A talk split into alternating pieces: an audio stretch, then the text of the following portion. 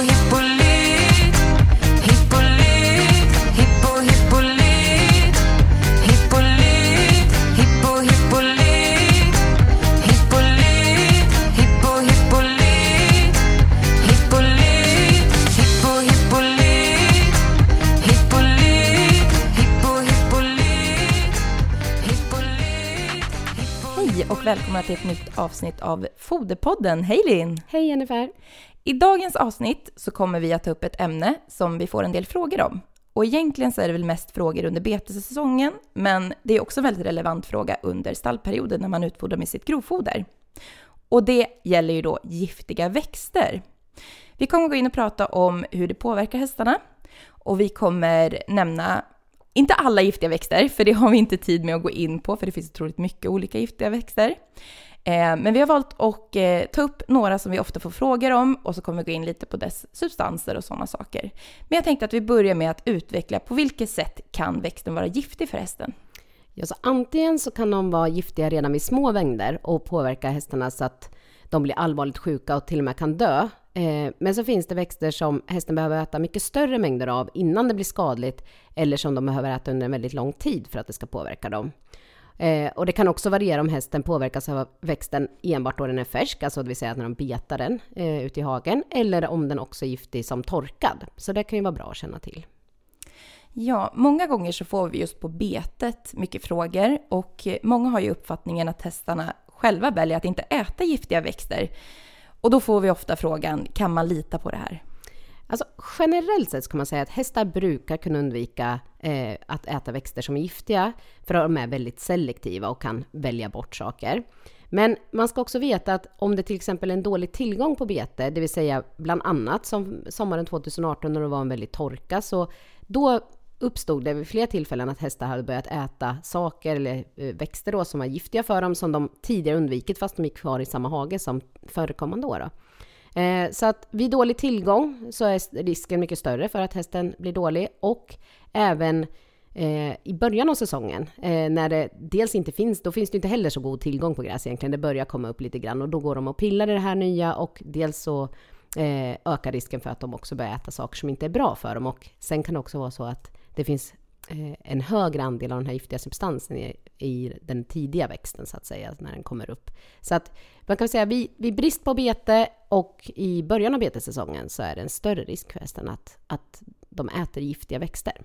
Sen kan ju smaken också påverkas om det blir torka eller sådana saker, vilket gör att de kanske vanligtvis inte tycker om den giftiga växten, för den kanske har en väldigt, ja, vad ska man säga? Bittersmak. Bittersmak, precis. Eh, Men att smaken ändras i dem faktiskt, så det är svårt att selektera Mm. på smakens skull. Så man kan inte säga att hästar klarar av att 100% reglera det här själva. Nej. Och det finns ju vissa substanser då i de här, de här växterna som är giftiga för hästen och gör att de här växterna faktiskt blir giftiga. Och eh, det är ju oundvikligt egentligen tycker jag att inte gå in och prata om substanserna när vi pratar om giftiga växter. Så jag tänker att vi ska grotta ner oss lite här i eh, substanser och hur de påverkar hästen och vilka växter man hittar dem i. Och var ska vi börja då? Jag tänker alkaloider. Ja, det är väl bra att börja med dem eftersom det är en väldigt vanligt förekommande substans. Eh, och växter som innehåller alkaloider smakar ofta lite bittert som vi var inne på och vanligtvis undviker hästarna de här växterna. Och det finns ju flera olika typer av alkaloider. Och eh, om vi ska nämna några av dem så kan vi börja med pyrolysidina eh, alkaloider, som ja, oftast förkortas PA. Ja, Eh, de här alkaloiderna kan ge två typer av förgiftningssymptom. Antingen en akut form som uppstår om hästen ätit en stor mängd eh, och under en kort tid, eller en mer kronisk form där hästen ätit en liten mängd under en lång tid. Ja, kan du utveckla de här eh, formerna lite och hur visar det sig i de olika faserna? Alltså i den akuta fasen så drabbar hästen av trötthet och koma och kan till och med dö, så det blir ju som sagt en väldigt akut fas. Eh, och de behöver äta ganska mycket eh, för att de ska eh, drabbas av det här. Att hos en 500 kilos häst så kan det uppträda om den konsumerar alltså någonstans mellan 5 och 25 kilo, så det, det är väldigt mycket. Eh, vid den kroniska fasen istället så, så skadas hästens lever och det i sin tur kan leda till viktminskning, det kan leda till blindhet, rastlöshet, anemi, blod i urinen, alltså en diverse symptom. Eh, och dessutom om hästen då drabbas så att levern skadas så kan de få fotosensibilitet. Och nu tror jag det är många lyssnare här som blir lite oroliga och eh, vilka växter kan man hitta den här substansen då i? Ja, en av växterna som den finns i är ju stånds, eh, som är en växt som innehåller då de här PA-alkaloiderna eh, eh då. Eh, och den här växten har en gul blomma eh, som blommar ungefär från juli till augusti och förekommer mest i södra Sverige. Och jag tänker det, lite överlag, vi kommer prata om olika växter, så kan man ju faktiskt gå in och eh, läsa och titta på de här växterna, framförallt skapa sig en bild över hur de ser ut. Det finns bra på SVAs hemsida eller så finns det jättebra eh, heter Appar. appar som man faktiskt kan hitta med Mm. giftiga växter Mm. för hästar. Eh, ja, och så vill man gå in och kolla hur stånd ser ut, så in och kolla på någon av de här eh, kanalerna. Eh, den som man ska säga så här, mest giftig är den när den är mogen och att blomman är den del som faktiskt innehåller högst, högst alkaloidhalt. Eh, och som sagt var, oftast undviker hästarna de här. Eh, men om de blir förgiftade har man ju sett att det främst är när den befinner sig i grovfodret. Så här har vi ju faktiskt en växt som även när den inte är färsk påverkar hästen. Och man har också sett att eh, 50 till 200 gram, gram stånds eh, per kilo kroppsvikt anses som en dödlig dos för häst. Eh, men kollar man då bland annat på SVA så tror de att det behövs en, en större mängd än den här angivna då. Eh, Men hästar som konsumerat stånds kan få problem med även diarré och buksmärtor. Så den här växten bör man ju se till att hästen inte har tillgång på, vare sig i sitt grovfoder eller på betet. Ja, sen finns det ju någonting som heter pseudoalkaloider. Och vad är det för någonting då? Ja, den här substansen påverkar hjärtat och hästen får eh, sänkt blodtryck och puls. Och hästen kan få akuta hjärtstopp, och vilket då också då leder till plötsliga dödsfall. Ja, och den här substansen hittar man ju i idegran. Eh, och eh, vilket gör det till en väldigt farlig växt för hästen. Kan du berätta lite mer om idegran? Ja, alltså det här är ju faktiskt en av de giftigaste växterna som finns i Europa. Eh, och förutom att den innehåller då alkaloidsubstanser så innehåller den också cyanogena glykosider. Så att den är giftig på flera olika sätt. Och det är, hela växten är giftig, men främst barren, eller egentligen blad som det är, som är väldigt giftiga.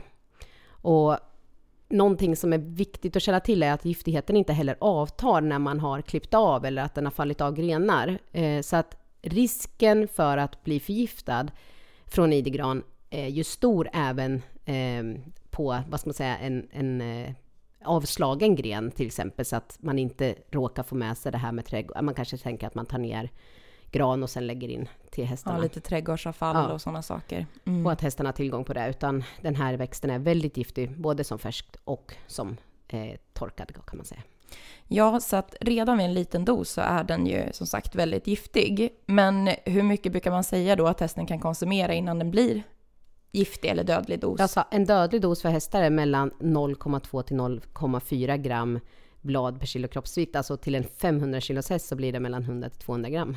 Så det är inte mycket som hästen behöver. Och symptomen, eller förgiftningssymptomen hästen kan få är ju ganska många. Ja, precis. Och, eh, alkaloider som, de tas upp väldigt snabbt och påverkar hjärtat. Så hästarna får dels rörelse och cirkulationsstörningar och sen kan de få väldigt ryckiga rörelser med stapplighet och kramper och så. Så att eh, hästen som äter idegran får oftast först en väldigt snabb puls och sen blir den svag och sen dör den då genom andningsförlamning. Så att det är ganska, ett ganska dramatiskt tillstånd. Och kan helt enkelt ske ganska snabbt. Ja, alltså ett dödsfall kan inträffa redan inom ett par minuter från konsumtion då, så att eh, ibland kan man se det inom några timmar efter intag. Så det här är ju verkligen någonting som inte hästar ska exponeras för. Nej, sen finns det ju en annan växt som innehåller alkaloider och det är ju lupiner. Och eh, nu vill vi ju inte skrämma upp våra lyssnare som kanske fodrar med lupiner, för det finns ju olika typer av lupiner. Så att jag tänker att vi ska redogöra för vilka olika lupiner finns och vilka, eh, vad ska man tänka på med lupiner just. Ja, men precis som du säger så finns det många olika typer av lupiner och eh, de har olika stort innehåll av de här alkaloiderna som är den giftiga substansen i växten. Eh, och foderlupin och sötlupin och blålupin används som foderväxter eh, och har ett mycket lägre innehåll av de här alkaloiderna. Medan blomsterlupin och sandlupin, de är förvildade lupinarter eh, som är vanligt förekommande i Sverige. Och jämfört med foderlupinerna så innehåller de som innehåller, alltså de här foderlupinerna innehåller 0,02% alkaloider. Eh, I torrsubstansen så innehåller de här cirka 2%, så det är betydligt mer i de här blomsterlupinerna och sandlupinerna. Då. De vilda lupinerna smakar ofta bittert medan foderlupinen smakar sött. Eh, och om man nu har en sån lupin som är skadlig för hästen så är den skadlig både som torkad och som färsk. Så har man den i en vall som ska skördas så bör man inte ha det helt enkelt, då ska man ta bort den. Ja, precis. Vad visar det för symptom då om hästen äter en giftig lupin? Alltså den akuta lupinförgiftningen eh, som då anses bero på alkaloiderna ger dels ökad salivering och den får svårigheter att svälja, så kan den också få oro och kramper, så den kan också dö utav det här. En mer kronisk förgiftning av lupin så anses istället bero på bland annat mykotoxin som finns i lupinen som istället ger ödem, anorexi och anemi. Så att den kan mm, vara giftig på lite olika sätt den här växten. När vi pratade lite om idegran tidigare så tog vi upp någonting som hette cyanogena glykosider. Eh, och jag tänkte att vi skulle utveckla det lite mer så att våra lyssnare hänger med.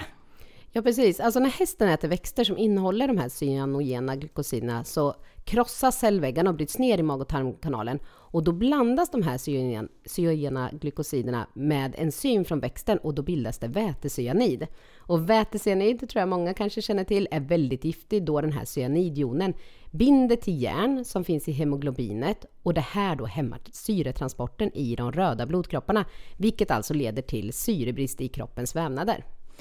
Men hästarna kan ju faktiskt konsumera en liten mängd av de här cyanogena glykosider ehm, för att de avgiftas i kroppens vävnader och utsöndras med urinen. Men hästen kan ju också drabbas av en akut förgiftning.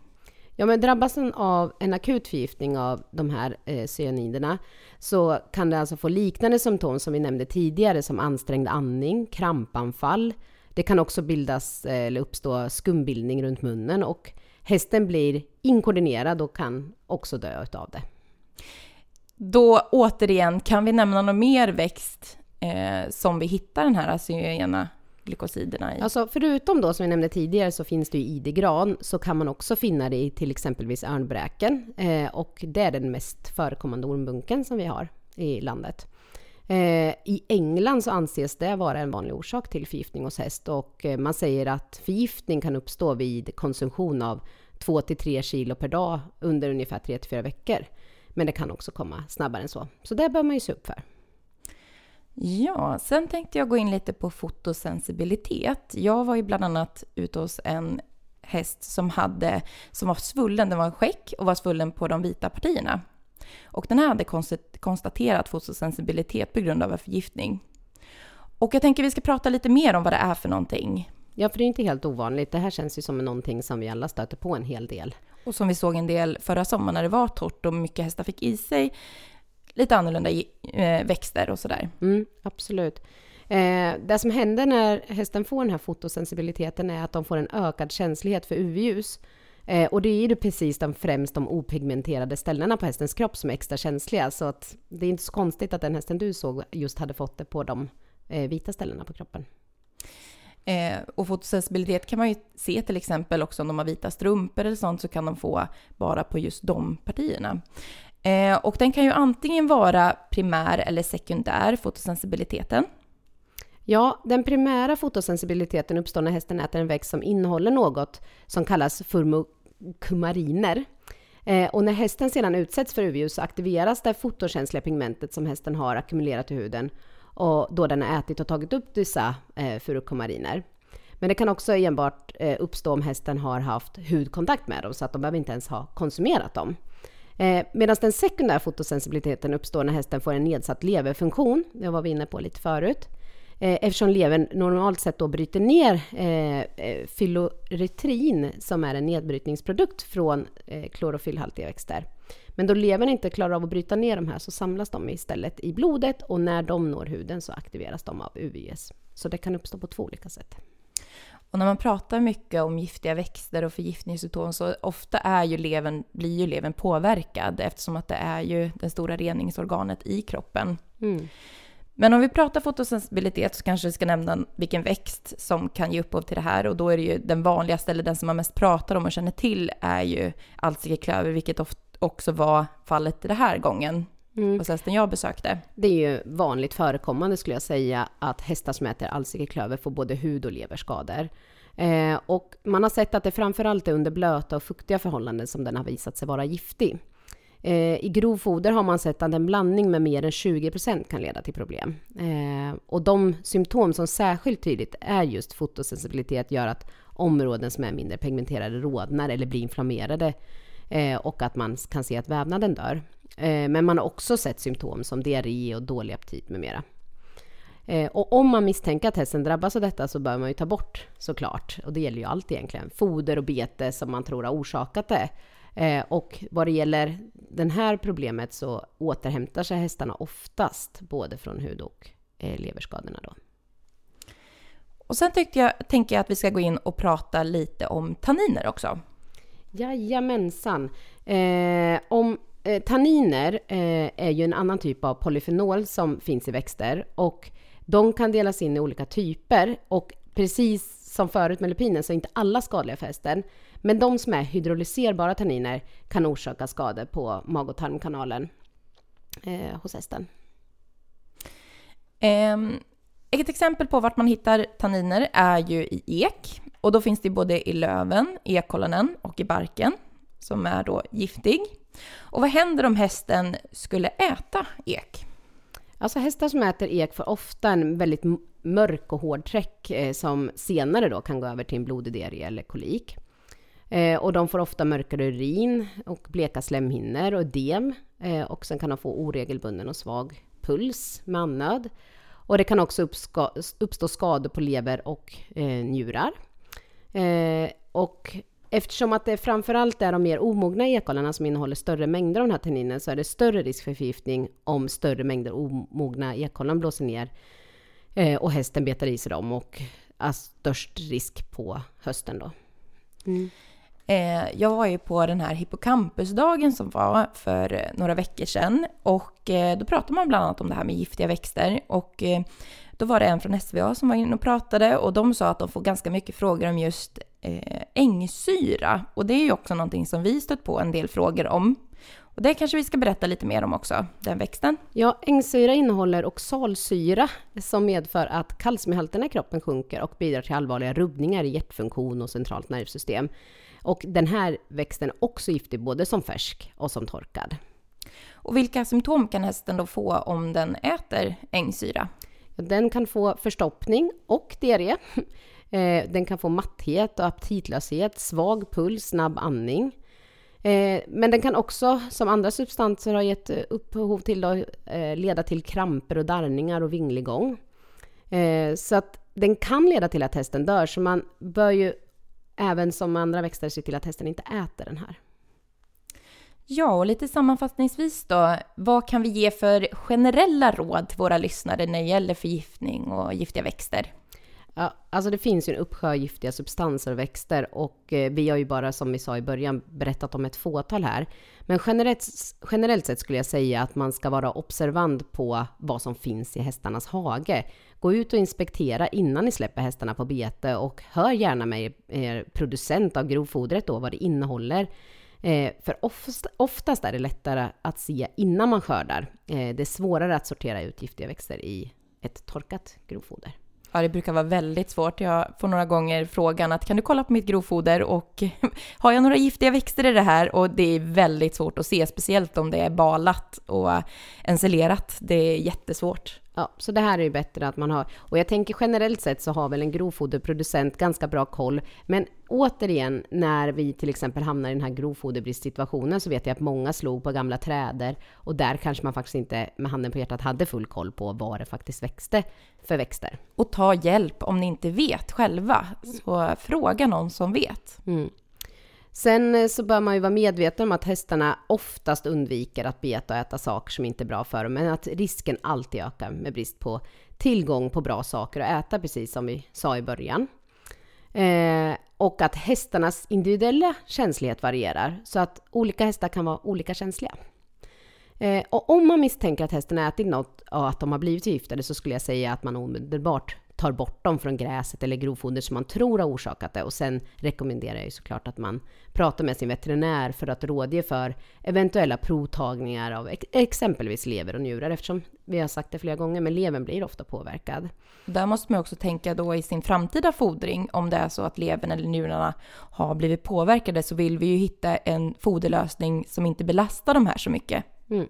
Så att där tänker jag också att man kan kontakta oss som i ett andra skede då, eh, som är agronomer och foderrådgivare för att se vad man kan göra ytterligare för att inte belasta hästen ytterligare i framtiden.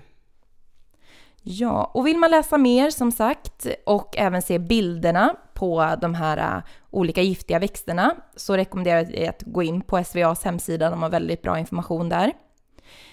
Och, ehm, och där står det också vad, vilka mängder man behöver, vilka doser som, och vad det påverkar hästen helt enkelt. Mm. De olika doserna. Men jag tror att det räcker för idag att gå igenom de här eh, ganska vanligt eller mer vanligt förekommande växterna. Och eh, man får ju såklart jättegärna höra av sig om man har ytterligare frågor, tänker jag. Det är ett ganska svårt ämne. Det är ett ganska svårt ämne och eh, ni får jättegärna som sagt höra av er om ni har ytterligare frågor. Och det är kanske inte är helt omöjligt att vi tar upp frågan igen om giftiga växter och kanske går in på andra i ett kommande avsnitt.